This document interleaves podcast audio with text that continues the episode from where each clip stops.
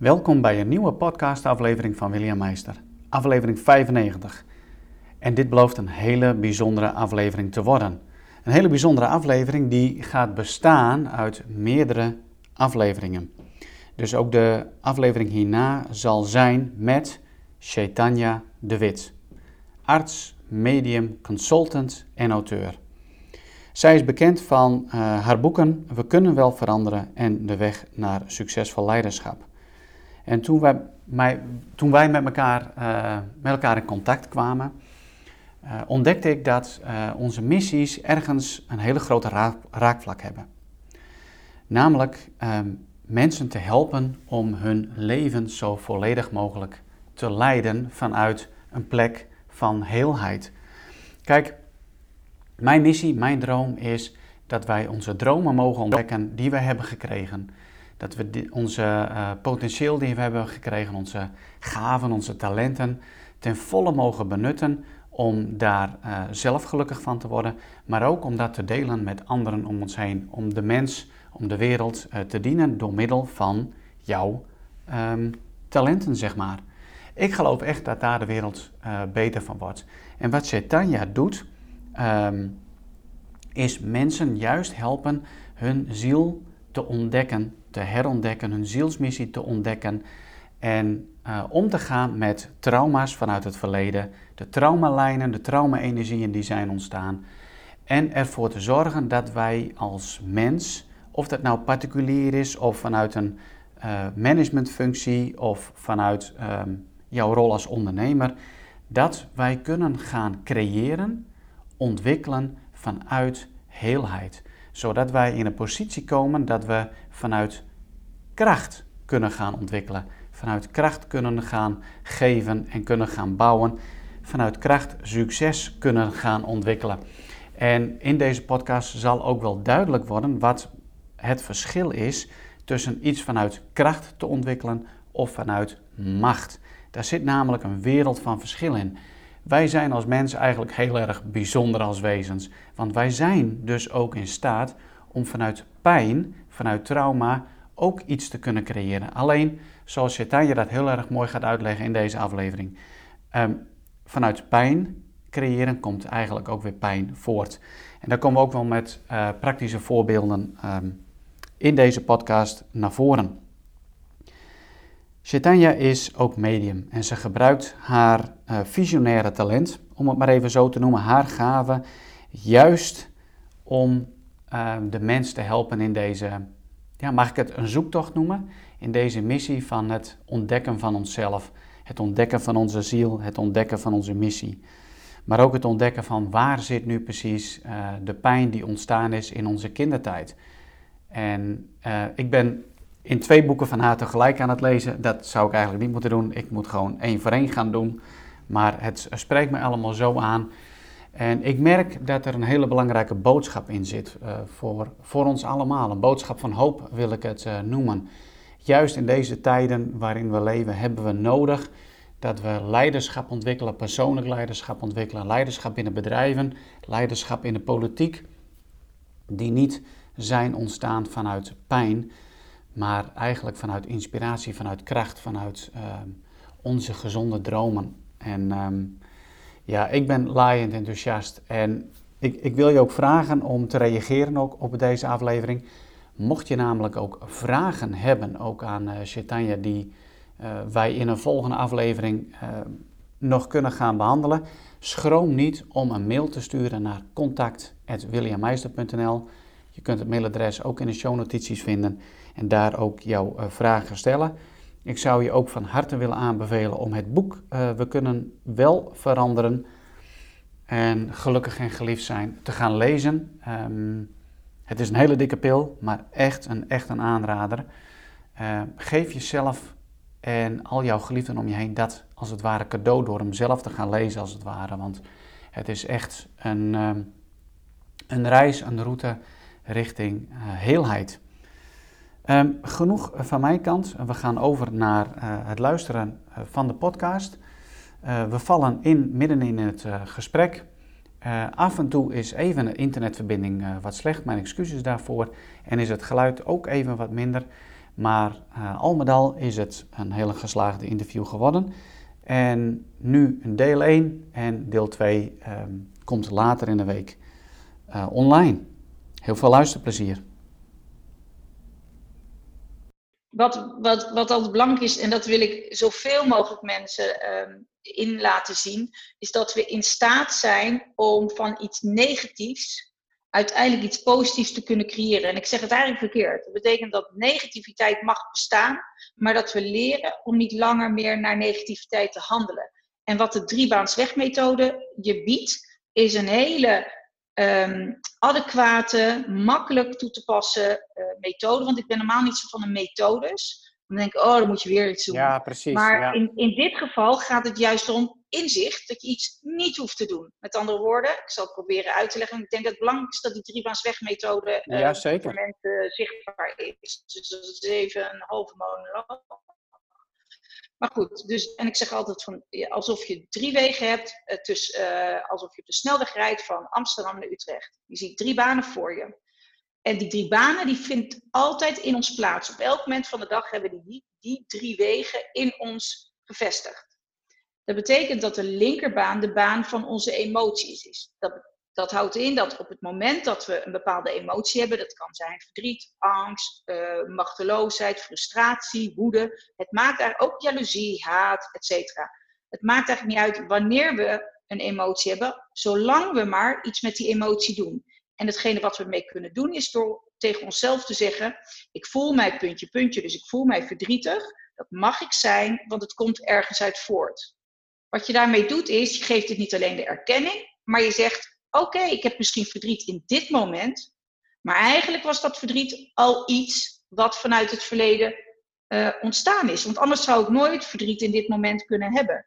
Met andere woorden, als we nu tegen allerlei zaken oplopen en dat maakt ons angstig, zoals jij net het woord angst gebruikte, dan heb je die angst al lang geleerd. Anders kan die niet op dit moment aanhaken. Ja, precies. Ja. En daardoor moet je ook tegen jezelf zeggen: hé, hey, het is, ik voel me nu dit, maar dat mag ik zijn, want het komt ergens uit voort. Dus je, je, je geeft het een soort van richting, van daar komt het vandaan. Dus het is meer dan logisch dat ik het nu ervaar. Waardoor het een ander gevoel al wordt. Want je beseft, het was er al. En dat is de hele reden dat, dat je daar nu tegenaan loopt. En door de erkenning te geven, krijg je een soort, niet afstand, maar je zit al meteen een stukje minder in je eigen nou, drama.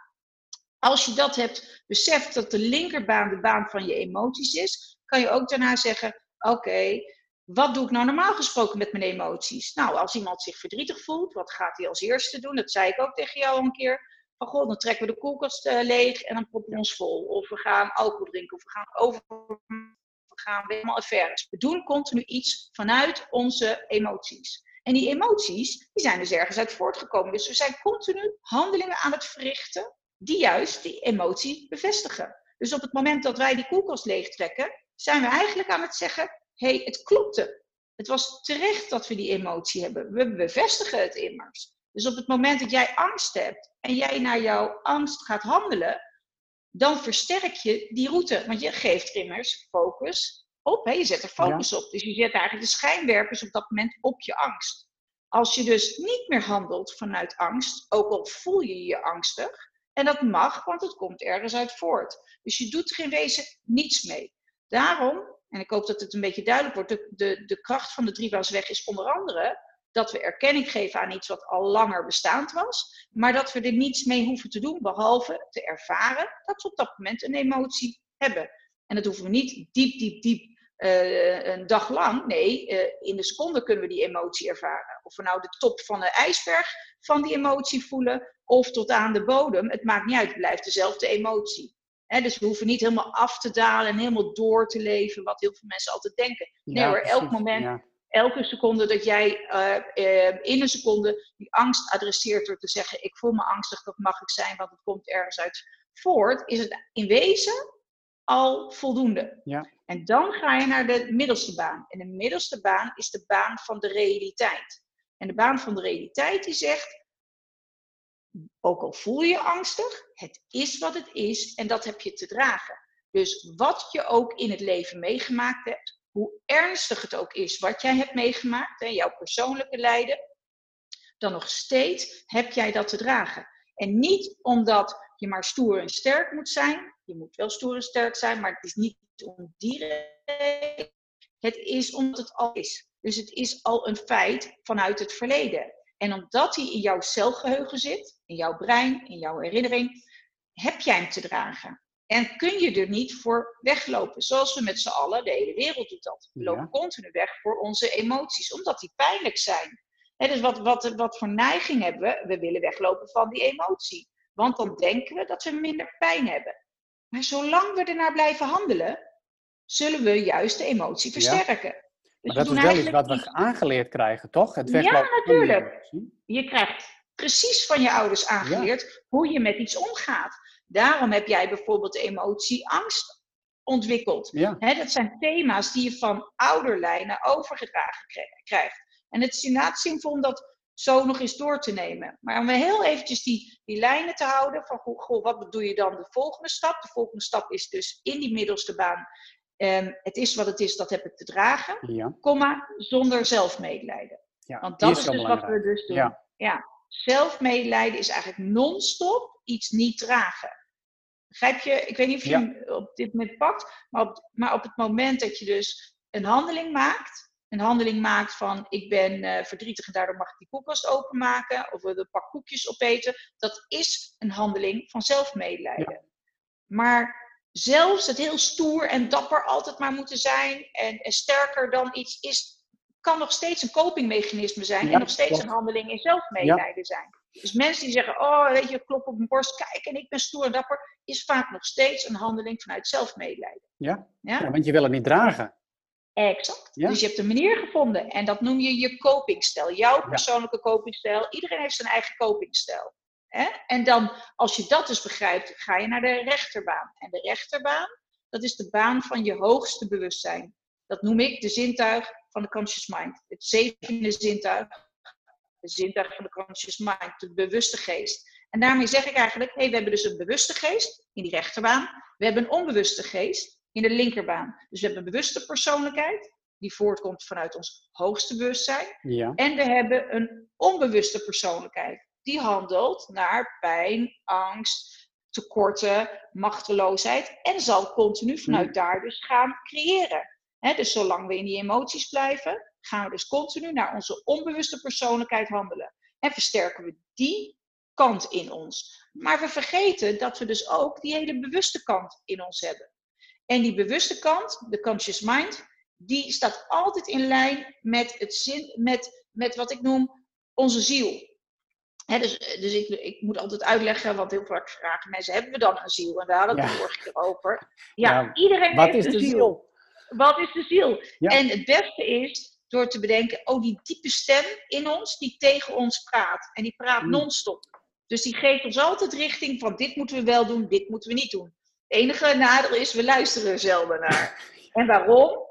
Omdat de ziel vraagt om vanuit wijsheid te handelen. Vanuit compassie, vanuit kracht vanuit inzicht. En wij zitten de rest van de dag eigenlijk altijd vanuit onze emoties te handelen. dus we, voor, we zijn continu bezig met een nieuwe lijn van emoties neer te zetten. Dus bijvoorbeeld iemand die um, machteloos voelt, die wil macht. Iemand die pijn voelt, die zegt, ja, maar ik wil nu minder pijn. Maar het enige wat we doen is heel sterke focus juist op die pijn zetten. dus zullen we alleen nog maar meer pijn creëren. En in de rechterbaan leren we eigenlijk twee componenten. De eerste is dat je een soort erkenning geeft aan jezelf vanuit dat hogere bewustzijn. Dat doe je door dat ik mij angstig voel. Dat had nooit mogen plaatsvinden. En dat weet ik, eerst altijd ik. En dat weten mijn ouders. Want uiteindelijk komen onze pijnlijnen altijd voort uit onze jeugd. Dus daar is de bron waarop we voor het eerst in aanraking komen met uh, niet onvoorwaardelijkheid, maar voorwaardelijke liefde. Ja. En dus onze pijnen zijn de restantenergieën, dus onze emoties zijn eigenlijk de restantenergieën, restproducten van al die dingen die we in ons leven hebben opgebouwd. En doordat we die ooit hebben aangeleerd op deze manier, creëren we dan continu steeds verder. Dus dat betekent niet dat ouders alles doen. Ouders hebben de bron neergezet. Ja, Want het fundament, ook zeg niet beter. Ja. Exact, die wisten ook niet beter. Die hebben het ook weer geleerd van hun, hun voorouders. Dus in die is het ook niet iets wat je kan verwijten. Het is alleen maar vanuit inzicht te nemen. Dus dat ik mij zo voel, had nooit mogen plaatsvinden. En dat weet ik. En dat weet mijn ouders. En waarom? Omdat ieder kind recht heeft, dezelfde dingen. Die heeft recht op liefde, op onvoorwaardelijkheid, op omarming, op onderwijs, op onderdak, op eten. En dan zeg ik er altijd bij, zelfs dat kind in Afrika heeft ook daar recht op. Dat betekent niet dat het dat gaat krijgen. Dat betekent ook niet dat het misschien gewoon, hè, misschien gaat het wel van de honger uh, sterven, maar het had er wel recht op. En dat recht claimen is een heel belangrijk onderdeel van jezelf veranderen. Het opeisbaar maken van jezelf is dat, wat ik noem. Dus doordat je eigenlijk zegt, hé, hey, maar wat er is gebeurd was niet correct en dat weet ik. En doordat ik het weet, is het iets wat klopt. En niet omdat een ander mij eerst die erkenning gaat geven. Want dat is eigenlijk wat we constant doen. Doordat we een gevoel van tekort hebben, zeggen we eigenlijk, ik wil dat die ander, wie dan ook, ons opvult. Omdat dat begon bij onze ouders. Die gevoelens van tekort willen we dat onze ouders eerst uh, voor ons opvullen. En zeggen, je bent, you're such a good boy, je doet het wel goed, ik ben trots op je, sorry voor al mijn fouten. Dat is wat we willen. Dat gaan ouders bijna nooit zo zeggen. En als onze ouders dat niet doen, zitten we dat continu op onze omgeving te verhalen. Dus zijn nog steeds die gevoelens, die gaten die we in ons hebben, zijn we continu bij een ander aan het neerleggen. dus door interactie zeggen we eigenlijk, ik wil nu dat de, dat de wereld ziet hoeveel en hoe bijzonder ik ben. En de wereld moet mij opvullen. Of mijn baan moet mij opvullen. Of mijn baas moet mij de erkenning geven. Dus we zoeken nog steeds de erkenning buiten onszelf. In plaats van in onszelf. En die rechterbaan die zorgt ervoor dat je daar bewust van wordt. Doordat je op de eerste plaats een soort punt nul creëert. Doordat je eerst gedragen hebt, dan vervolgens gezegd hebt dat wat er met me gebeurd is, is niet correct. En als, als uh, tweede punt is dat als het niet zuiver was wat er met me is gebeurd, dan mag ik er natuurlijk al zeker niet naar handelen. En heb ik te handelen naar iets wat voortkomt vanuit dat hoogste bewustzijn, iets wat voortkomt vanuit mijn ziel en de stem van de ziel. En dat is het weten. Dat we weten wanneer iets zuiver is. Dat we weten wanneer iets liefdevol is. En dat we weten wanneer iets correct of kloppend is. En continu handelen daarna betekent dat die baan sterker wordt. En omdat de linkerbaan wel erkenning krijgt, maar geen aandacht. Hè, die krijgen, wordt niet onderhouden. De emoties worden niet onderhouden door, door aan de hand van handelingen. Maar de handelingen die je verricht zijn continu vanuit wijsheid, vanuit kracht, vanuit empowerment, vanuit moed, vanuit passie en talenten. En dat is wat je in de, in de rechterbaan leert. Dat je altijd in lijn met je talenten moet werken en leven. En dat je in lijn van, met je passies moet staan. En waarom is dat nou zo fundamenteel? En waarom, waarom eigenlijk bijna niemand dat doet? Is wij zitten altijd te kijken naar de ander. Van, goh, wat kan de ander goed? En datgene wat die ander heeft, dat wil ik ook. Dus gaan we bezighouden met businessen die helemaal niet in de lijn van onze talenten liggen, maar omdat we denken dat we daar de meeste macht door gaan krijgen, de meeste erkenning voor gaan krijgen. En dus dan zijn we continu vanuit machteloosheid ons leven aan het vormgeven. De hele tijd vanuit de niet-talenten ons leven aan het creëren. Dus zal er ook nooit een goede uitkomst komen. En dan heb je dus een situatie, als je al die banen naast elkaar zet, dat zodra je een emotie hebt, dat maakt niet uit wat. En mensen generen zich altijd voor jaloezie of voor haat. Maar al is het haat, het maakt niet uit, want het komt ergens uit voort. Dus je zegt tegen jezelf, ik voel mij haatdragend of ik voel me haatvol of whatever. Dat mag ik zijn, want het komt ergens uit voort. Dus dat zijn is in dit moment, voel ik mij zo, dus het komt ergens uit voort. Maar het is wat het is en dat heb ik te dragen, zonder medelijden, hè, zonder zelfbeklag eigenlijk. Ja. En dat ik mij zo voel had nooit mogen plaatsvinden. Dus dat ik mij zo voel is onrechtvaardig eigenlijk verkregen. Want het is een optelsom van mijn ouders. Dus als, ik het nooit had, als het nooit had mogen bestaan, dus als het nooit had mogen zijn, dan mag ik er zeker niet naar handelen. Want dan onder, um, onderstreep ik eigenlijk hetgene wat niet correct was. En dus zal ik steeds een negatieve baan creëren. Maar dat is in het kort de driebaansweg en ik denk dat de hele wereld, en ik bedoel zonder arrogantie, maar dat de wereld dit heel goed kan gebruiken. En waarom? Omdat, het, omdat het zo hard nodig is voor ons om uit onze trauma-energie te komen en naar onze eigen kracht te komen en naar liefde en naar um, ja, een soort van ongekende mogelijkheden. In plaats van focussen op onze beperkingen. Maar goed, dat is, dat is even een hele dat, uitweiding. Dat, ja, maar dat, dat is ook heel mooi. Hè? Ik noemde het in ons vorige gesprek ook wel een boodschap van hoop. Ik word er zelf ook heel erg blij van. Aan de andere kant, jeetje, wat hebben we dan de wereld zo enorm ingericht, wat precies het tegenovergestelde is. Hè? Exact, ja, en, absoluut. Uh, en, en dat vind ik zo verbazingwekkend, dat we uh, zo'n wereld hebben gecreëerd. Ja. Want ik heb zelf echt um, aan de lijve ervaren hoe de wereld daarop is ingericht. Dus ik ben opgegroeid. Uh, noem het even met een hoop gedoe thuis. niet de situatie met zoals. Met harde hand, ja. Veel pijn bij mij als kind. Dus ik groei op en ik kom erachter dat ik heel makkelijk gecompenseerd kan worden met aandacht ja. vanuit de wereld. Ja, met erkenning, exact. Met erkenning van leraren, van vriendjes, als ik maar stoer genoeg deed, als ik maar gevaarlijke dingen deed. Maar later ook als militair, als ja. ik maar zo snel mogelijk kon rennen, zo goed mogelijk kon schieten, bij wijze van spreken. Dan kreeg ik aandacht en ehm, dan zag men mij staan. Ja, ja maar exact. Het al die uh, dingen, en ik heb een hoop uh, dingen bereikt in al die carrières, het heeft mij nog nooit enige um, fulfillment gebracht. Ja, geluk en, uh, en contentment. Helemaal exact. niet. Dat kan het ook niet. Nee. Dit, dit is een heel belangrijk punt wat je zegt. Het is het, eigenlijk het inzicht hebben dat het ook, ook niet kan. Ik zit te denken, het is totaal, totaal niet mogelijk, en dat beseffen we te weinig, totaal niet mogelijk om vanuit iets negatiefs iets positiefs te maken zoals we normaal gesproken denken dat we dat wel kunnen. Ja. Dus op het moment dat jij inderdaad pijn ervaart in jouw leven en je hebt de nodige pijn ervaren en je gaat dat vervolgens inderdaad compenseren, want dat is het mechanisme geweest, een soort jouw eigen dus jouw persoonlijke copingstijl. En jouw persoonlijke copingstijl is als ik maar de beste word ergens in. Ja? Daar ben je mee eens, hè? Dat dat ja, meestal ja, het mechanisme is. Ja. En, en in wat dan ook. En als het ene niet meer toereikend is om daar de beste in te zijn, omdat je misschien daar al de beste in bent, dan zoek je vast wel iets anders waar je dat weer opnieuw kan creëren. Dus steeds omhoog klimmen naar ik wil het beste zijn. En het beste gaat altijd uit van gevoelens van tekort. Want iemand die in zijn kracht staat, iemand die empowered is, iemand die weet wie die is en wat zijn talenten zijn, zal automatisch succes genereren. Dus succes is nooit iets wat we na kunnen jagen, want dan bevestigen we dat we het nog niet hebben. Het enige wat je kan doen is elk moment succesvolle handelingen verrichten. En succesvolle handelingen zijn het automatisch wanneer het niet doordrenkt is van trauma-energie. Dus wanneer, ik noem alles wat aan onze, in onze pijnlijnen zit, hè, dat noem ik altijd een optelsom Ja. trauma-energie.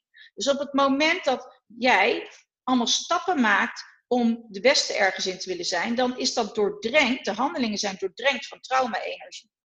En dat betekent automatisch dus dat je uitkomst altijd pijn gaat zijn. Want je intentie, dus wat, wat, datgene wat in je handeling zit, is een continu van ik wil bevestiging, ik wil erkenning van de buitenwereld. Want Ja. wie weet voel ik me dan iets beter. Misschien voel ik me dan iets minder leeg van binnen. En wat we dus dan doen is juist zeggen, hey, ik voel me dus leeg. Ik voel me dus eigenlijk eh, tekort zijn. Ik voel me eh, niet gezien. En dat is wat je natuurlijk neerzet. Dus op het moment dat je een min aan de linkerkant van is gelijk teken zet, hoe kunnen we dan verwachten dat dat een plus wordt aan de andere kant, aan de rechterkant van is gelijkteken. En toch doen we dat met de hele wereld. We denken, Ja. als we Ja. dus vanuit onze negativiteit, dus onze pijnlijnen willen we creëren. We willen beter worden, we willen de beste zijn, we willen meer macht, we willen meer erkenning. Hoe kunnen we dan, het is bijna gewoon, het is gewoon niet logisch. Hoe kunnen we dan daaruit iets positiefs creëren? En het antwoord is dus, het is onmogelijk. Ja, het is ook onmogelijk, al- ja. Dus dat betekent niet, zoals heel veel mensen altijd tegen me zeggen, ja, maar er zijn toch mensen die succes hebben? Ja, want succes kan je op twee manieren creëren. En heb ik het eigenlijk, is het dan werkelijk succes? Maar laten we zeggen, je kunt eh, eh, ergens komen. Je kunt aan de top komen. Je kunt aan de top komen op basis van macht of op basis van kracht. Op basis van macht betekent dat je dus in lijn van je pijnen blijft zitten. Dus continu vanuit die trauma-energie blijft handelen. En dan heb je gemerkt, bij jou ook, dat je ergens aan top kan komen. Ergens de beste in kan zijn. Ja. Maar je inderdaad nog steeds die leegte en het verdriet van binnen voelt. Ja. Ja, dus je kunt ergens komen. Dat is ook wat al die popsterren en die acteurs of nou ja. actrices en Ja. de, de grote businessmensen. die zullen beseffen, wauw, ik ben ergens gekomen. Maar zodra dat op basis van macht is, dus met andere woorden, machteloosheid. Dus zal ik zo proberen uit te leggen. Maar op basis van macht is, zal iemand zich nooit vol voelen van binnen. Nooit tevreden zijn. Want wat doet macht? Die macht die we, die we najagen, dus de, de, de top die we najagen, die is dus, heeft een intentie in zich. En dit, dit leg ik een beetje krom uit, maar dat betekent dat je dus eigenlijk machteloos voelt. Anders jaag je nooit macht na. Dus doordat je machteloos voelt van binnen, ga je proberen meer macht te creëren. Dus diegenen die uiteindelijk vanuit macht hun lijnen neerzetten, die zullen dus altijd voelen dat ze juist machteloos zijn. Ja. Het is een hele een, een soort een mindsetverandering. Dus ook al denken we, hey, we voelen heel veel tekort in ons. Dus als we ergens op een toffe, toffe positie komen, dan hebben we dus minder pijn in onszelf. Dan dragen we minder, minder waardigheid in onszelf mee. Maar het antwoord is juist nee, het bevestigt juist onze minderwaardigheid. Dus dan komen we op een toppositie. Dan kunnen we ons af en toe een beetje, nou, een soort van wauw, dat heb ik toch wel weten voor elkaar weten te krijgen. Ja, absoluut. Maar de pijn zal nog steeds daar zijn. Ja, en misschien zelfs nog wel versterken. Hè? Kijk naar die, die acteurs, uh, popsterren. Absoluut. Met zelfmoord die zijn versterkt. Ja, die, en, en dat is dus ook zo. Je, het enige wat, wat je creëert is dus een versterking van je pijn. Ja. Ja? En dan kan je misschien wel of elleboogwerk gebruiken om ergens te komen, of uh, door super hard je best te doen op school. En dat is, er is niks mis mee met hard te werken. Maar er is wel wat mis mee met vanuit welke intentie je hard werkt. Ja, wat je, ook, wat je ook schrijft in, in het boek is van uh, pijn creëert dan ook pijn. Hè? Ook lijkt het aan de buitenkant dus succesvol. Ja. Maar dat is wel het plaatje waar wij als mensen in deze wereld ons steeds voorgehouden krijgen. En dat lijkt dan een soort van oplossing. En dan uh, kijken we maar even weg van ja, uh, met roem en rijkdom, daar komen ook bepaalde problemen. Maar dat accepteren we maar, maar op een of andere manier. Absoluut, absoluut. Omdat, omdat we denken van, weet je, dat zie, vaak denken mensen van, joh, dat zie, zie ik dan alweer, als ik daar maar kom. Maar op het moment dat ze er gekomen zijn, is het leven ook best wel vlak. Want zolang je nog omhoog kan klimmen, is iets vaak aantrekkelijk. Want dan kan je steeds naar iets waar, waar we het toen straks over hadden, ergens naar uitkijken, ergens die, die top proberen te bereiken, betekent dat we omhoog kijken en ergens aan op proberen te trekken.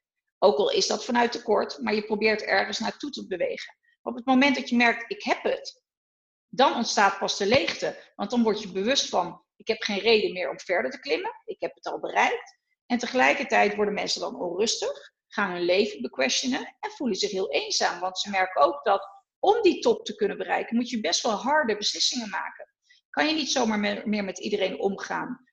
Word je vaak geïsoleerder? Omdat je dus bijvoorbeeld in een, alleen al praktisch, in een groter huis kan wonen. Of omdat je meer rijkdom dus hebt in dat grotere huis. Dus dan betekent dat het grotere huis, betekent ook een grotere omheining.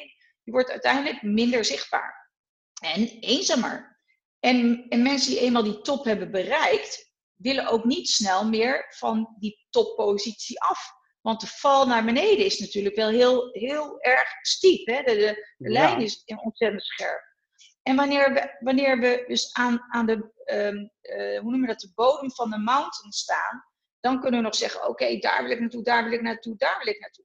En dan geeft het ons nog een bepaalde richting. En zodra we maar richting en koers in ons leven voelen, hebben het idee, oh, daar kunnen we, daar kunnen we ons aan optrekken.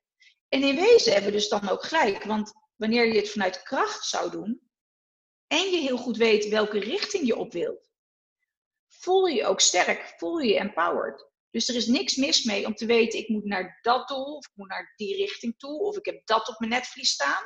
Want als je niet een, een soort eindpunt neerzet, al is het maar een eindpunt om dan daarna weer, als je dat bereikt hebt, om weer een volgend punt uh, te maken. Maar als je niet een eindpunt op die horizon, op die lijn zet, kan je dus ook nooit weten waar je naartoe beweegt. Dus ik, ik vergelijk het altijd als je vanuit uh, de haven van Rotterdam naar uh, New York zou varen. In het beginsel zeg je, nou, ik moet ongeveer daar naartoe. Dus dan ga je varen, varen, varen. Tegen de tijd dat je dichter bij New York aankomt, ga je nog beter richting bepalen. Dus je gaat zeggen, oké, maar daar is de haven. Oh, en dan nog dichterbij, en wanneer je bijna de kade raakt, ga je nog beter richting bepalen. En dat is wat eigenlijk leiderschap inhoudt. Dat je steeds richting geeft aan waar je uit wil komen. En die richting geven aan, zit al in je intenties verwerkt. Dus een intentie op, in het begin van de dag is, is altijd echt iets waarvan ik zeg dat zou je moeten doen. Als je de dag opstaat en zegt, wat is datgene wat ik vandaag wil neerzetten? Waar, waar wil ik mijn aandacht op vestigen? Dus waar wil ik op focussen? En waarom is dat nou zo goed om dat te doen? Omdat als we dat niet doen, we automatisch overstappen op gewoontegedrag. Dus, en dat, uh, dat is een soort, we kunnen bijna er niks aan doen. Het gaat automatisch, dus reflexmatig. En dat gewoontegedrag is dat gedrag wat we aangeleerd hebben gekregen van die ouders. Dus al die thema's, al die gedoes wat jij net noemde, dat wordt dan ons focuspunt. Als we niet zelf beter richting gaan geven, als we onze intenties niet zuiverder gaan neerzetten, en als we dus niet zelf gaan bepalen waar we uit willen komen, dan wordt het voor ons bepaald. Omdat dat in, onze cel, in ons celgeheugen al miljoenen, miljarden, ja. nou, miljarden keren voorgeprogrammeerd is. Dus dat zit erin aan kennis.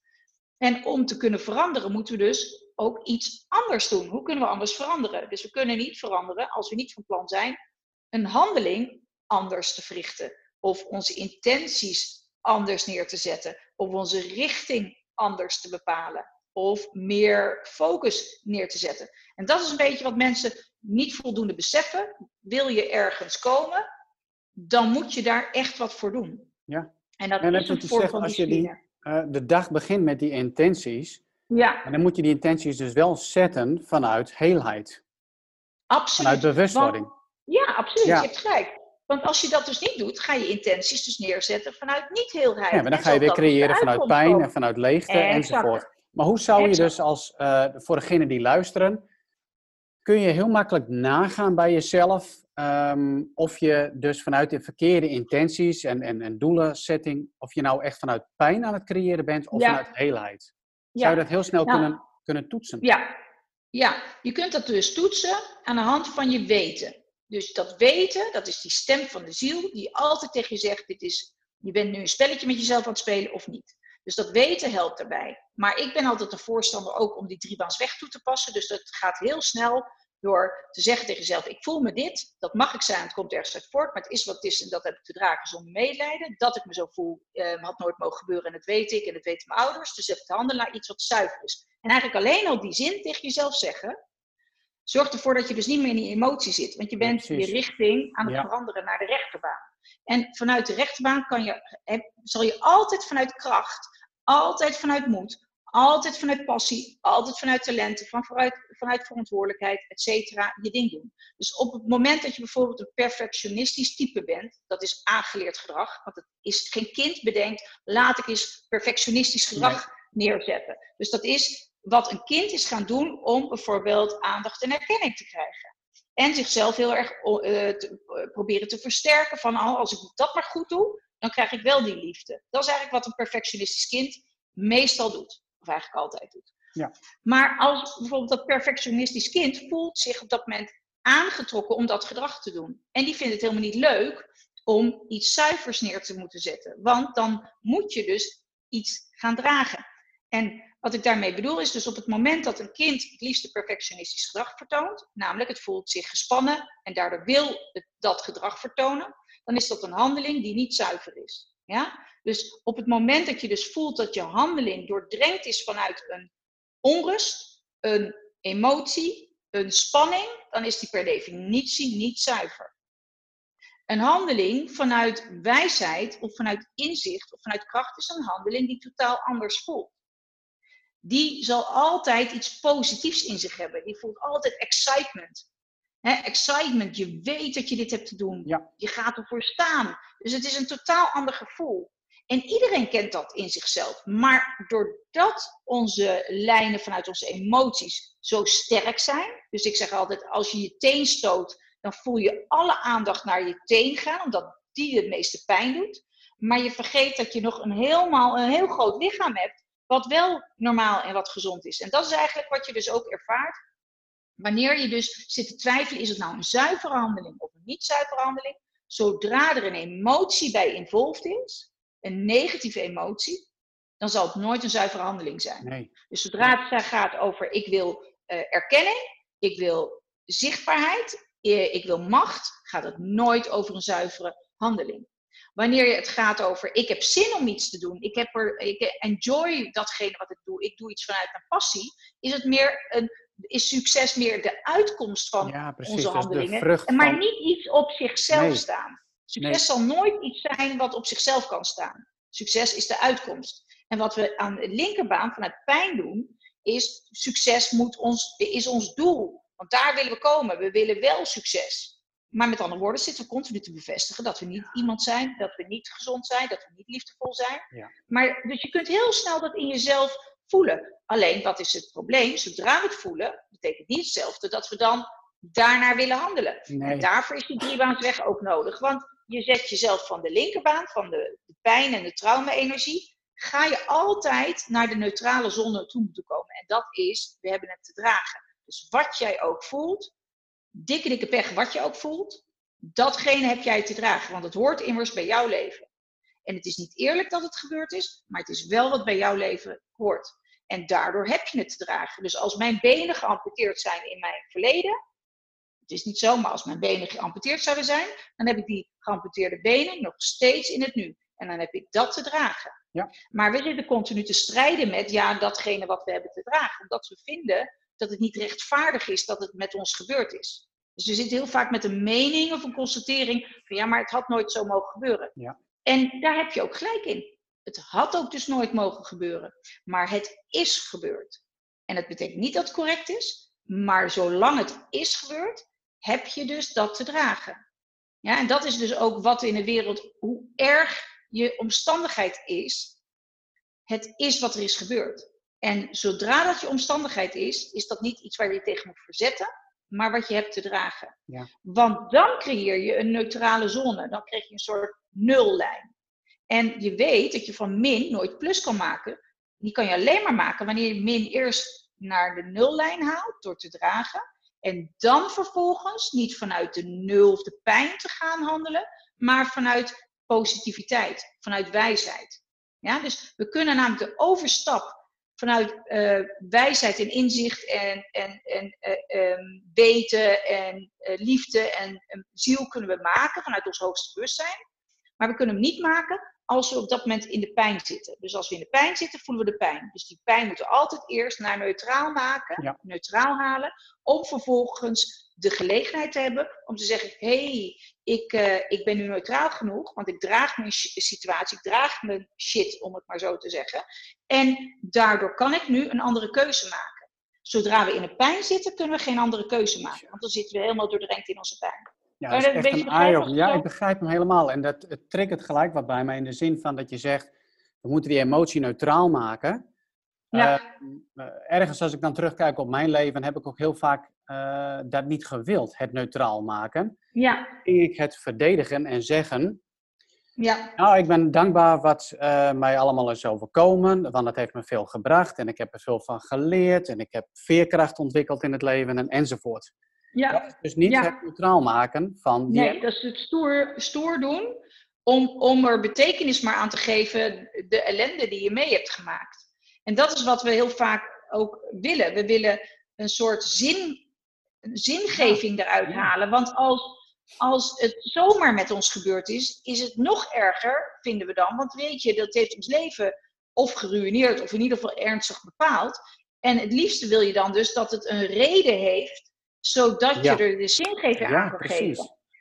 Maar, maar dat is dus end... vanuit slachtofferrol dan eigenlijk, of niet? Exact. Je bent het altijd dan nog steeds niet aan het dragen. Kijk, het is wel zo dat vanuit de rechterbaan, dus waar je de ziel gaat voelen, dat de ziel een heel ander plan, um, uh, doel in zichzelf draagt. Dus het is heel ingewikkeld dit, dit, om voor mij uit te leggen. Maar die ziel die we continu ervaren, die we voelen, die, die dat is eigenlijk um, onze kapitein. Dat is eigenlijk de, de boot waarop we ons leven varen. Dat is tenminste wat het zou moeten zijn. Dus de ziel heeft een, andere, een ander doel vaak dan wij als mens hebben. Want zolang wij dus als mens naar ons onbewuste persoonlijkheid handelen, dat is die persoonlijkheid vanuit pijn, staan we niet in lijn, staan we niet in contact met onze ziel. Zodra we vanuit de bewuste persoonlijkheid, dus de rechterbaan, eh, die kant in onszelf uh, gebruiken, staan we wel in lijn met onze ziel.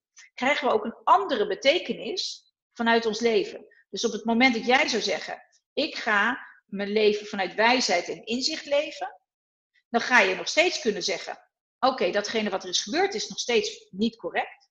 En dat ga ik ook niet correct kunnen maken, want het is gewoon niet zuiver geweest. Je kan een kind niet pijn doen op die manier. Dat is nooit zuiver. Maar ik begrijp wel dat het leven is wat het is. Dat dat gewoon een onderdeel van het leven is.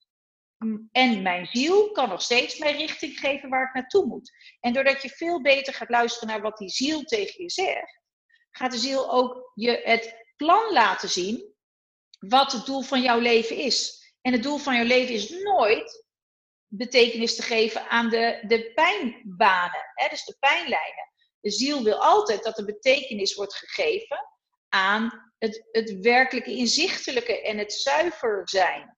En dat zal ook uiteindelijk je, je laten zien dat no matter what, dus hoe erg, ernstig ook datgene is wat je mee hebt gemaakt, dat verandert niks aan je inzichten, de liefde en waar je ziel naartoe wilt. Dus de ziel probeert altijd lichter en lichter te worden. Dus de ziel is al veel licht, heel veel lichts, maar die probeert een stukje weg terug naar, nou laten we het noemen, de goddelijkheid of de hoogste witte energie of al, hoe je het ook wil noemen die probeert op, op die weg terug te, te keren. En dat doet het aan de hand van bewustwording, dus awareness over wie het werkelijk is. Dus de ziel heeft een stukje licht in zich, waar wij ons aan kunnen uh, optrekken als mens. En de ziel die wil dus naar meer licht. En dat, dat kunnen we ook creëren wanneer we vanuit de rechterbaan handelen. Want dan maken we meer licht. Maken namelijk minder negativiteit. En alles wat minder negativiteit of lading in zich draagt, is uiteindelijk wittere, lichtere energie. Ja? Zuivere, lichtere energie. En dat, dat, want er zit gewoon letterlijk geen ego of donkerte op dat moment. Nee, precies. Nee, dat is inderdaad en heel dan, verhelderend. En dan krijgt de ziel dus ook zijn bestemmingsplan. Ja. ja dus, de, dus onze bestemmingsplan is wanneer we dus in lijn met onze ziel leven en niet meer vanuit onze pijn en tekorten handelen, maar naar onze kracht en onze nou, zuiverheid en liefde en talenten en passies. Dus je mag best enorm veel aandacht aan je talenten geven. Als dat datgene is wat je toevallig heel goed kan, dan is dat wat je kan doen. Dus zelfs als bijvoorbeeld je vanuit een gezin komt waar, waar een vader zegt, ja, je moet kunnen tennissen en je moet dat en dat heel goed kunnen en je kan het daardoor heel goed, dan kan je het nog steeds omzetten naar, ja, maar als ik het nu eenmaal gewoon goed kan, als dat het feit is dat ik toevallig dat talent heb ontwikkeld en ik heb er lol in dus, en ik heb er zin in, dan ben je altijd nog steeds vanuit passie en talenten aan het, aan het handelen. Ja. Ja? Dus ook al ben jij dus die leider daardoor geworden vanuit pijn, als dat je nulpunt op dit moment is, dan kan jij nog steeds daar richting aan geven, maar dan nu vanuit inspiratie en motivatie. In plaats van uit ik wil de beste zijn. Goh, ja, ja. Nou, het, ja, het raakt mij ook enorm. Hè. Vooral ook um, wat je eerder zei, het betekenis geven aan pijn. Ja. Um, ik, ik heb ook heel lang in het kerkelijke uh, werken ja. gezeten, hè, in het, uh, met het christelijk geloof uh, dingen gedaan. Ja. Waarin we dus altijd ook betekenis aan pijn willen geven. En dan vaak zeggen is, ja, dit is wat God wil gebruiken in jouw leven om je te zuiveren en tot bepaalde dingen te brengen. Ja, dat is absoluut niet waar. Nee. Nee, en, nee, het is echt niet waar. Het is gewoon, want pijn wordt altijd gecreëerd vanuit ego, wordt altijd gecreëerd vanuit een mens. Dus de mens die op dat moment niet beseft dat hij meer is dan dat. de mens die niet in contact met zijn ziel staat, die voelt zich verlaten, vaak eenzaam, uh, voelt zich tekort uh, doen uh, in zichzelf naar anderen, voelt zich, wat ik al vaker zeg, tekort en machteloosheid, frustraties, energie komen naar voren. En daardoor en, en dat al datgene wat we aangeleerd krijgen over liefde, dat is hetgene wat negativiteit creëert. Dat is nooit, en het heeft niks te maken met goddelijke energie. Hè, met het, zeggen energie dan... van al. Ja. Zou je kunnen zeggen, Chitanje, dat je, uh, als we het hebben over het goddelijke, hè, het universum, uh, de oneindige intelligentie, uh, als je er zo in de persoon over zou kunnen praten, hè, uh, kijkt hij, zij, het naar onze omstandigheden ook gewoon neutraal? Zijn onze ja. omstandigheden dus gewoon neutraal?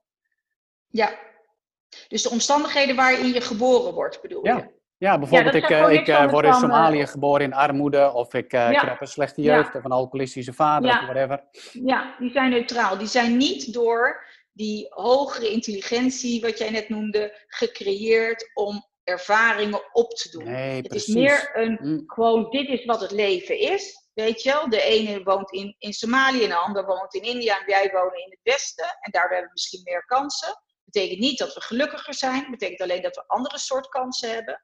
Want ik heb vaak eh, ervaren dat, dat in, me- mensen in Afrika beter weten wat geluk en, en eh, positiviteit eh, inhoudt. Dan dat wij in het Westen kunnen. Dus met woorden, het is niet per definitie zo dat je in het Westen eh, altijd je prettiger voelt. Het betekent alleen dat we, als we dat inzicht veranderen, kunnen we er heel veel van maken. Omdat we Ja. dan dus een aantal omstandigheden voor hebben. Ja. We hoeven niet na te denken over hebben we morgen te eten of te drinken. Dat in het algemeen is wel redelijk geregeld. Maar is het neutraal? Ja, het is niks anders dan, eh, ik vergelijk wel eens het, het, het on- oneindige. Ja, als je, nee, als je alle goddelijke energietjes bij elkaar, dus in jou zit een goddelijke energie, in mij zit dat in alles wat er leeft, alles wat er, wat er is, wat, alles wat gemaakt is. Als je dat bij elkaar in een heel gecomprimeerde, eh, dense situatie maakt en je haalt alle pijn en alle ego-troep eruit, die wij als mens creëren, omdat wij denken dat we afgescheiden zijn, omdat wij ons anders voelen, omdat jij er toevallig net even anders uitziet dan dat ik eruit zie, dat wij geloven in we zijn dit omhulseltje maar en niet meer dan dat. Hè, wij denken dat ons lichaam eindigt bij het vel wat, we, wat er om onze eh, organen en onze weefsels zit. Ja, omdat wij dus zo bewust zijn van we zijn afgescheiden, in plaats van dat dat licht probeert te zeggen, ja, we zijn dus allemaal met elkaar al die hele goddelijke energie bij elkaar. Alleen de route naar die goddelijke of lichte energie, die gaat via al die afgescheiden situaties. Dus het bewust worden van het feit dat we, lijken afgescheiden, maar we zijn het eigenlijk niet. Nee, Begrijp precies. je het? Ja, ja, en die ja. weg daar naartoe, dat is een bewustzijnsontwikkelingsproces. Die kan ons gewoon weer terug naar het al brengen, naar het licht brengen. Maar die kan dus ook het al in onszelf laten eh, regeren, ook al zijn we mens. Dus ook al zijn we dier, ook al zijn we iets. Maar als je kijkt naar wat we doen, is het zo dat, dat inderdaad wat jij net zei, de go- goddelijkheid, eh, dat go- goddelijke energie eh, bepaald heeft dat we, daar, dat we moeten lijden. Ja. Nee, lijden maken we zelf. Niemand anders dan, Nee, dan precies. wij zelf Ja. creëren lijden. Ja, wij creëren alle. Ja, Maar dan ja, kunnen we dus er ook vanaf. ook in de hand. Exact. En dat is dus ook wat, wat. Kijk, ik heb natuurlijk dat leiderschapboek geschreven, maar ik heb ook niet voor niets een heel, heel dik boek. eh, we kunnen wel veranderen, gelukkig en geliefd zijn. Ja. Geschreven, omdat we dus in staat zijn onze realiteit te kunnen veranderen. Wanneer we dus vanuit inzicht ons leven gaan leiden. Inzicht betekent vanuit bewustzijn en niet langer vastzitten in onze pijnen. Ja. Ja. Dus omdat wij Ja. dus continu vastzitten in die pijnen, creëren we meer pijn, zoals je net zei. Ja. Wanneer we vanuit bewustzijn en inzicht en inspiratie ons leven leiden, of vanuit motivatie, wat je er ook allemaal van maakt, alles wat zuiver positief is, ja, creëren we dus meer inzicht, creëren we een soort goddelijk inzicht in onszelf. En ik noem dan bewust even het woord goddelijk, omdat ik weet dat jij daar wat eh, in je verleden meer mee, mee te maken hebt gehad. Maar ik zou normaal zeggen het al, of gewoon awareness. Dus je kan zoveel namen aan datzelfde Ja, precies, gevoel ja. geven, dat maakt eigenlijk niet uit. En zonder mensen voor, tegen het hoofd te willen stoten, is dat wel in, in hoe ik de dingen bekrijg, dat het allemaal hetzelfde is. Ja. Alleen dat we een andere uitleg eraan geven. Ja, en dat we er andere Ja. structuren van maken. En omdat we dan zeggen, ja, maar nee, je moet het zo zien. Dit is de enige manier van hoe het te zien. Dat, dat we dan daarmee ook meteen weer anderen uitsluiten. Ja. Ja, dus uiteindelijk is het zo, je vindt de common ground, want die is er. En hoe je dan de rest eh, invulling eraan wil geven, Ja. dat is puur aangeleerd Ja, dat zijn allemaal details toch? Aangeleerd. Ja, maar dat is ook weer aangeleerd. Ja, dat is Als ook allemaal ik dus aangeleerd. in Afrika Ja. woon, heb ik toch een andere eh, eh, mindset dan ik ben niet gelovig, maar dan zou ik eh, misschien geloviger zijn. Of als ik in, in Saudi-Arabië ben opgegroeid, dan weet ik zeker dat ik moslima zou zijn geweest. Het is gewoon wat we aangeleerd hebben gekregen. Het is niet daardoor per definitie meer waar. Het is gewoon aangeleerd gedrag. En alles wat we aangeleerd hebben gekregen, kunnen we dus ook afleren. Ja, Begrijp je? Ja Nou, nee, helemaal hoor. Ja, dat, dat er dus zoveel meer in ons zit. En dat is ook een van de redenen waarom ik tegen jou pas zei: van joh, eh, uiteindelijk hoop ik gewoon toch die podia op te kunnen klimmen. En te zeggen van, goh, weet je, waar, waar gaat het nu over? Het gaat over onszelf naar dat hogere platform te kunnen trekken, onszelf te leren veranderen, onszelf te leren inspireren. Eh, want dat is, zit allemaal al in ons verscholen. We kunnen dat dus ook wanneer we maar die ziel horen. En wanneer we maar ons hoogste bewustzijn laten regeren en niet onze pijn. En met alle respect voor onze pijn, omdat we die wel hebben meegemaakt en die ook gewoon in ons geheugen zit, dus in ons celgeheugen. Maar wanneer we er continu focus op zetten, zullen we er altijd meer pijn door creëren. Wanneer we minder focus erop zetten, omdat we de focus verplaatsen naar ons hoogste bewustzijn, naar dit weten, naar die ziel, zullen we dus eigenlijk die energie die verkeerd is neergezet, die we gewoon respecteren, maar die krijgt geen aandacht, dus die verdampt. Die krijgt gewoon letterlijk geen bestaansrecht meer dan dat het gewoon al geweest is. Nee, precies. Ja? en dat kan en dat dus zomaar gaan. je het kan verdampen. en dat is dus een proces waar je dus, waar we, we denken altijd dat we er heel veel voor moeten doen. We moeten er juist niets mee doen. Dus de opdracht is juist, ga maar er niets mee doen. Waar denk je dat dat, waar komt dat dan vandaan? Dat we, en dat zien we in de hulpverleningswereld uh, een heleboel. Waar komt het vandaan dat we uh, zoveel willen doen om, ik noem het maar even, beter te worden?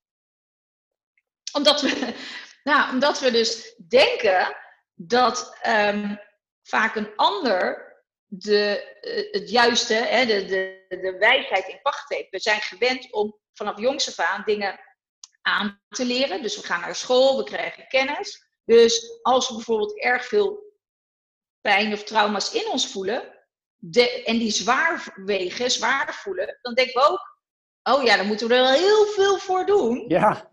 Om daar dus ook vanaf te kunnen komen. En, en, en, in wezen is het ook logisch dat we zo denken, want het heeft heel veel impact op ons leven. Maar we, dat komt omdat we dus uiteindelijk een verkeerd perspectief of een niet goed, nou laten we zeggen, niet, niet juist gezet perspectief hebben. Dus we denken, dus dat perspectief vanuit pijn. En maar wanneer je beseft dat perspectief is vanuit hoogbewustzijn en juist zuiverheid, beseffen we in één keer, oh, maar dat hebben we eigenlijk al. Daar hoeven we niet zoveel voor te doen. Maar wanneer je dus inderdaad leidt vanuit tekort, moet je er ook heel veel voor doen. Want hoe krijg dat maar eens uh, nou, opgevuld? voor elkaar, ja. En, en dat, is zo, dat is dat punt waar ik naartoe wilde. Je, je hebt het idee dat het een eindeloze put is die je moet opvullen. Dus wat je ook, ook al heb je een nieuwe auto, ook al heb je een, nieuw, nieuwe job, ook al heb je een betere, leukere partner of heb je meer kinderen. Je vult het dus op, je vult op, maar uiteindelijk is het een bodemloze put, omdat het nog steeds vanuit pijn gecreëerd is.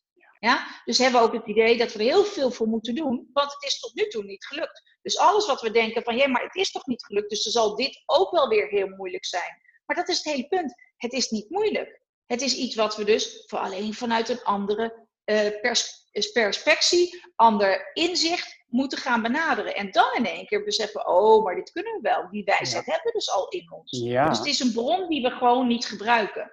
Hè, dus die latent aanwezig is. En dat is dus ook het, probleem. Dat leren we ook niet aan.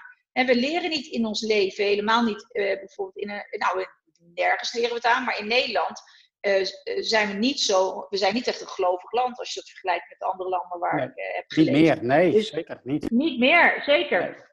Dus wat leer je aan? Dat je het allemaal zelf moet doen. Maar dat betekent dus ook dat we denken, als we dus maar harder werken, dan komen we misschien wel ergens bij geluk. Maar dat is juist exact de verkeerde route. Want je geeft aandacht aan een tekort. Ja. ja we hebben het niet, dus we moeten, het, moeten er meer voor doen. En het gaat er juist om dat we het dus al hebben. Dus dat gat niet, niet een gat is. Dat is een gat vanuit onze gedachten dat we een tekort hebben. Ja? Een aangeleerd, aangeleerde gedachte en daardoor ook een aangeleerd gevoel. En daardoor denken we dat er een tekort is. En zodra we daarop focussen, voelen we ook dat. Ervaren we ook dat tekort. Maar wanneer we dus een focus verleggen, verleggen naar wijsheid, inzicht, kracht, empowerment, voelen we helemaal geen tekort. Zullen we ook merken, ja, maar het is er niet. Dus er valt ook helemaal niet iets op te vullen, want het is er niet. We zijn al heel bij geboorte.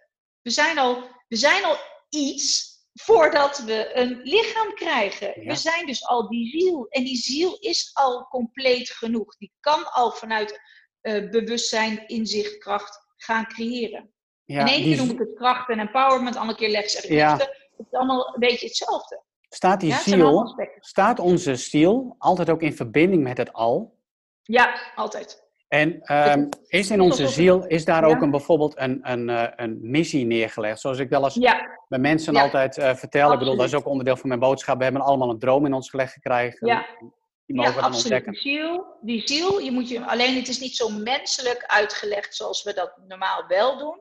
Een ziel heeft Ehm, is, is dus al een teken van, uh, van licht. Hè? Dus een ziel is in wezen al uh, veel lichter, veel uh, denser in licht dan dat wij als mens vanuit onze onbewuste persoonlijkheid zijn.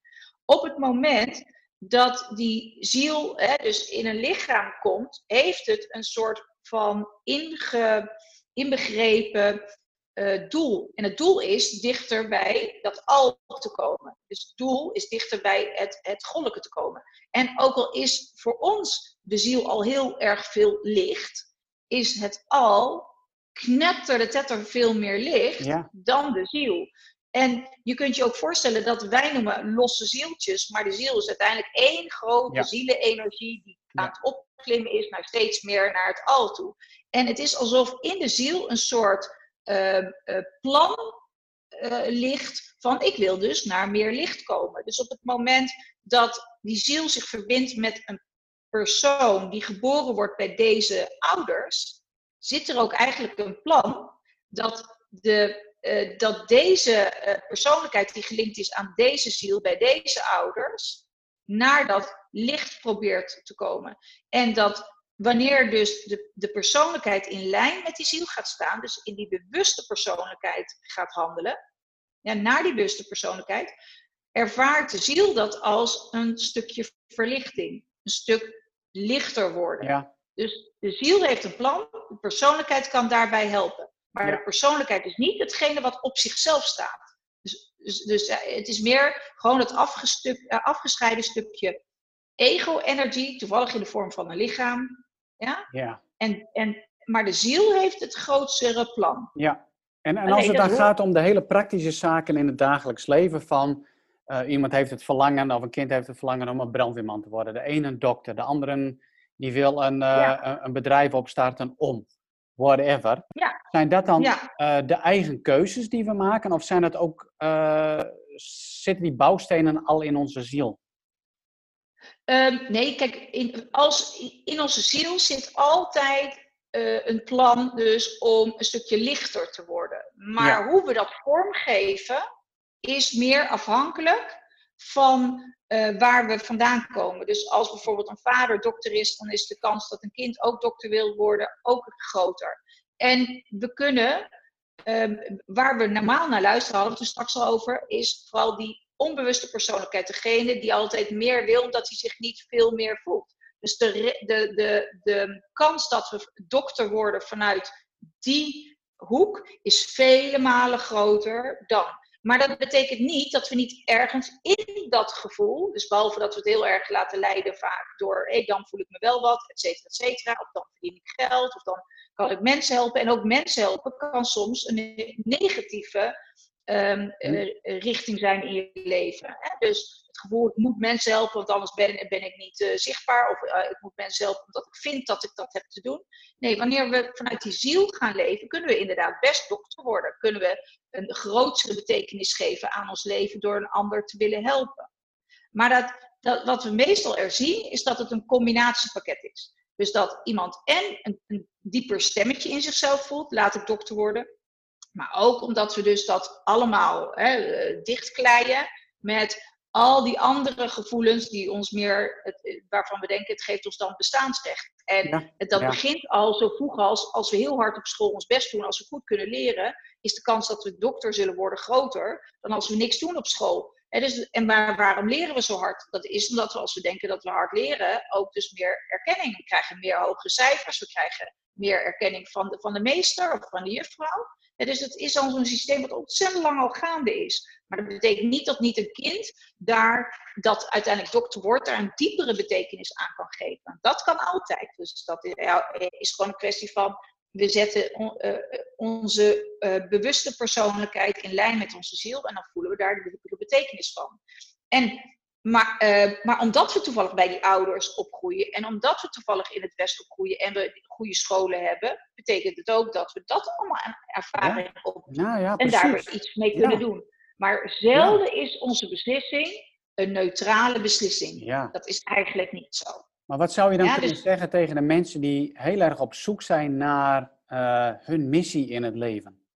Van, Ja. wat moet ik dan, dan gaan Ja, doen? als, als die, die in staat zijn, een van die boeken, machtig, want ik denk dat het, het dikke boek, we kunnen wel veranderen, gelukkig en geliefd zijn, heeft echt een hoofdstuk gewijd aan de driebaansweg. Dus echt meer dan 100 pagina's puur driebaansweg, om dat Ja. heel diep uit te leggen. Ehm, maar in het kort hebben we het nu natuurlijk net gedaan. Wanneer je dus de hele tijd die methode doet, gewoon, wa- je staat ermee op, eh, en, en als je 300 keer het op een dag hebt gedaan, is dat niet eens veel. Omdat als je goed nagaat hoe vaak we ergens een soort spanning, onrust, irritatie, machteling eh, en welke emotie dan ook voelen, dat is eigenlijk het startpunt van de driebaansweg. En omdat we dat dus steeds actief aan het veranderen zijn, zijn we automatisch naar de rechterkant aan het bewegen. En in die rechterkant voelen we dus ook waar zijn we talentvol eh, in, waar, waar liggen onze talenten, waar liggen onze passies. En die kan je in gang zetten, doordat je er gewoon hard verwerkt. Hard werken zit er altijd aan vast. Ja, maar dan wordt het dus, wel vanzelf steeds duidelijker. Dus hoe meer wij helen, dus er, wordt onze Ja. zielsmissie wordt steeds Ja, helderder en de duidelijker. zielsmissie, ja, de zielsmissie is uiteindelijk niks anders dan wat je ook doet in het leven, geeft er een zuivere betekenis aan. Dus al ben je groenteboer, geef er betekenis aan. Dan zie je het vanuit dat diepere. Wat kan je doen als je groenteboer bent? Dan kan je persoonlijk contact met je klanten hebben. Je kan zorgen dat je de mooiste spulletjes hebt. Niet omdat je daardoor beter bent, maar omdat je begrijpt dat die kwaliteit iets zegt over jouw eigen waarde. En dat is dus wel een goed punt. Waardevermeerdering, dus jezelf meer waarde geven, begint in onszelf. En hoe doen we dat dan? Door onszelf op te gaan eisen. Dus niet doordat ik tegen jou zeg, ja, en ik veel waard en je moet me goed behandelen. Nee, want dan leg ik het nog steeds bij jou. Maar wanneer we onszelf opeisbaar maken, betekent dat we gaan willen werken aan waardevermeerdering in onszelf. En dat betekent dat we dus onze driebaansweg continu toepassen. Ja. En doordat we dat doen, zitten we continu in die rechterbaan. En zul je ook altijd merken, hé, wat vind ik nou leuk om te doen? En dat is dus eigenlijk het, niet iets waar je een half jaar mee bezig hoeft te zijn voordat je een antwoord erop krijgt. Je krijgt automatisch daar inzicht in zodra je daarmee bezig bent. Omdat je heel goed gaat merken, wanneer eh, ik bijvoorbeeld eh, monteur ben, doe ik het vanuit pijn. Wanneer ik eh, leraar word of zo bij een, een, een individu, doe ik het vanuit passie en, en kracht. En dan weet die persoon, oké, ik wil bijvoorbeeld leraar worden. En dan is de volgende stap, wat heb ik daarvoor te doen? En als dat betekent, je moet dus twee banen doen om leraar te worden, dan is dat wat het is. Ja. Weet je, het is dus hard werken en stap voor stap je leven leiden is nog steeds Ja. iets wat er altijd bij zit. Want als wij niet continu onszelf hè, vanuit kracht eh, ons leven stap voor stap neerzetten, gebeurt er ook niks. Ja, dus we moeten continu handelingen verrichten. Dit is even een heel belangrijk punt voor mij altijd. Dat je handelingen verricht die die waarde in zich dragen. Hè, waarom zei ik van dit is een heel belangrijk punt voor mij om altijd duidelijk te maken aan mensen. Is we zijn dus continu handelingen aan het verrichten die zeggen over onze niet-waarde. Ja. En wanneer we leren dus dat we handelingen kunnen verrichten die iets zeggen over onze waarde. Dus als die monteur nu besluit leraar te worden en daardoor s'avonds bereid is te investeren in die droom. Omdat hij eigenlijk voelt, eigenlijk ben ik gewoon een echte leraar. En vind ik dat het Ja. mooiste wat er is. Dan heeft diegene dus te investeren in die wens. En door elke stap, elk uur wat je aan het studeren bent, ook al moet je daarvoor hard werken. En ook al moet je aan je partner vragen, hey, ehm, probeer voor mij die drie jaar, die investering die ik moet maken, of die vier jaar die voor nodig is. Ik begrijp dat dat een bepaalde druk op ons zou kunnen leggen. Maar zie dat het passie is, dat je me bijstaat. Ja? En als die leraar dus s'avonds zegt, of die toekomstige leraar, ik ga van 9 tot 11 elke dag werken. Maar daardoor ik heel, heel erg gefocust ben, want ik geloof heel erg in dat 9 tot 11 moment in de avond, of half negen in mijn geval, tot eh, vaak later dan dat moment. Maar bijvoorbeeld mensen gemiddeld half negen tot bijvoorbeeld half elf of elf uur, en dat ze daarna gaan slapen, is eigenlijk, dat is een stille moment, een stiltetijd. Alles, de kinderen zijn in bed, eh, de, de werkdag, de normale werkdag is voorbij, er is gegeten. En dan kan je heel goed focussen op datgene wat je nog meer wil neerzetten. Dus wat je nog meer wil initiëren. Omdat de wereld een beetje in rust is, is er extra Ja, veel precies. energie Ja, available, Ja. om het maar zo te zeggen, om, om eh, dan te gaan creëren. Dus dat is ook altijd iets wat ik mensen aandraag van ga proberen eens te beginnen daarmee. Maar dan zie je al vaak dat dat een obstakel vormt. Want om dat te doen, moet je dus een doel in je hebben van Ja, luister, natuurlijk. ik heb dat dus Ja. wel te doen. En daar begint het vaak al, dat we zeggen ja, maar weet je, dan moet ik moeite doen. Exact. Als je je waarde neerzet, betekent dat je handelingen verricht die die waarde in zich dragen. En als je al niet bereid bent van half negen tot half elf, twee uur per dag, energie te geven, richting te geven aan je diepste verlangen, diepste wens, dan laat je dus leiden door pijn. Dan vind je dus blijkbaar dat je zelfs dat niet waard bent. Wanneer iemand begrijpt, hé, hey, ik ben dat wel waard, dan eis je jezelf dus op. Want je zegt, en het opeisbaar maken klinkt soms zo hard, maar dat betekent niks anders dan dat we dus continu handelingen vanuit waarde maken. En dus niet meer vanuit pijn. En hoe komen we het snelst bij handelingen vanuit waarde? Is door die driebaanswegmethode. Ja. Omdat het Ja, helder. echt in zes seconden hebben we van links tot rechts gedaan. Begrijp je? Ga maar eens proberen. En dat zou ik echt iedereen willen oproepen die het luistert.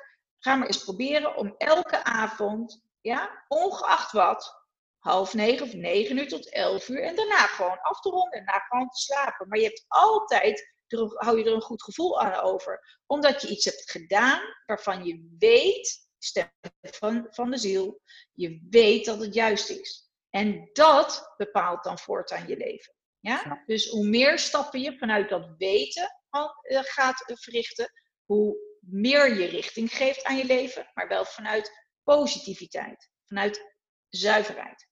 Vanuit zuiverheid kracht. klinkt zo. Ja, mooi. eh, Nee, maar het klinkt wel mooi. Vanuit vanuit zuiverheid, vanuit kracht. Heel mooi. En ehm, daar hebben we het eigenlijk nog niet eh, eens over gehad. Ehm, maar je hebt heel veel mooie wijsheid. En eh, je brengt ons zeg maar de, de drie baans weg. En je hebt twee mooie boeken geschreven. Hoe kom je aan al die wijsheid?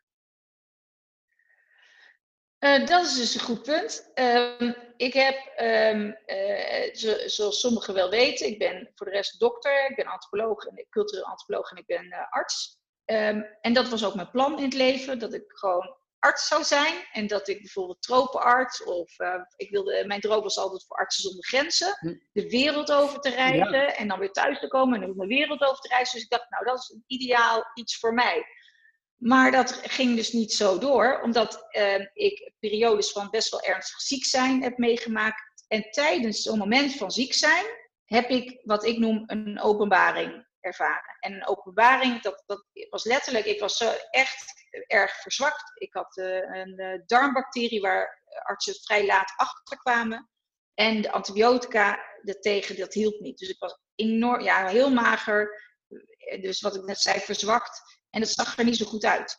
En er was een moment dat ik gewoon thuis was en ik lag op bed. En van het een op het andere moment, en dit is bijna niet te beschrijven, is dat er licht om me heen was.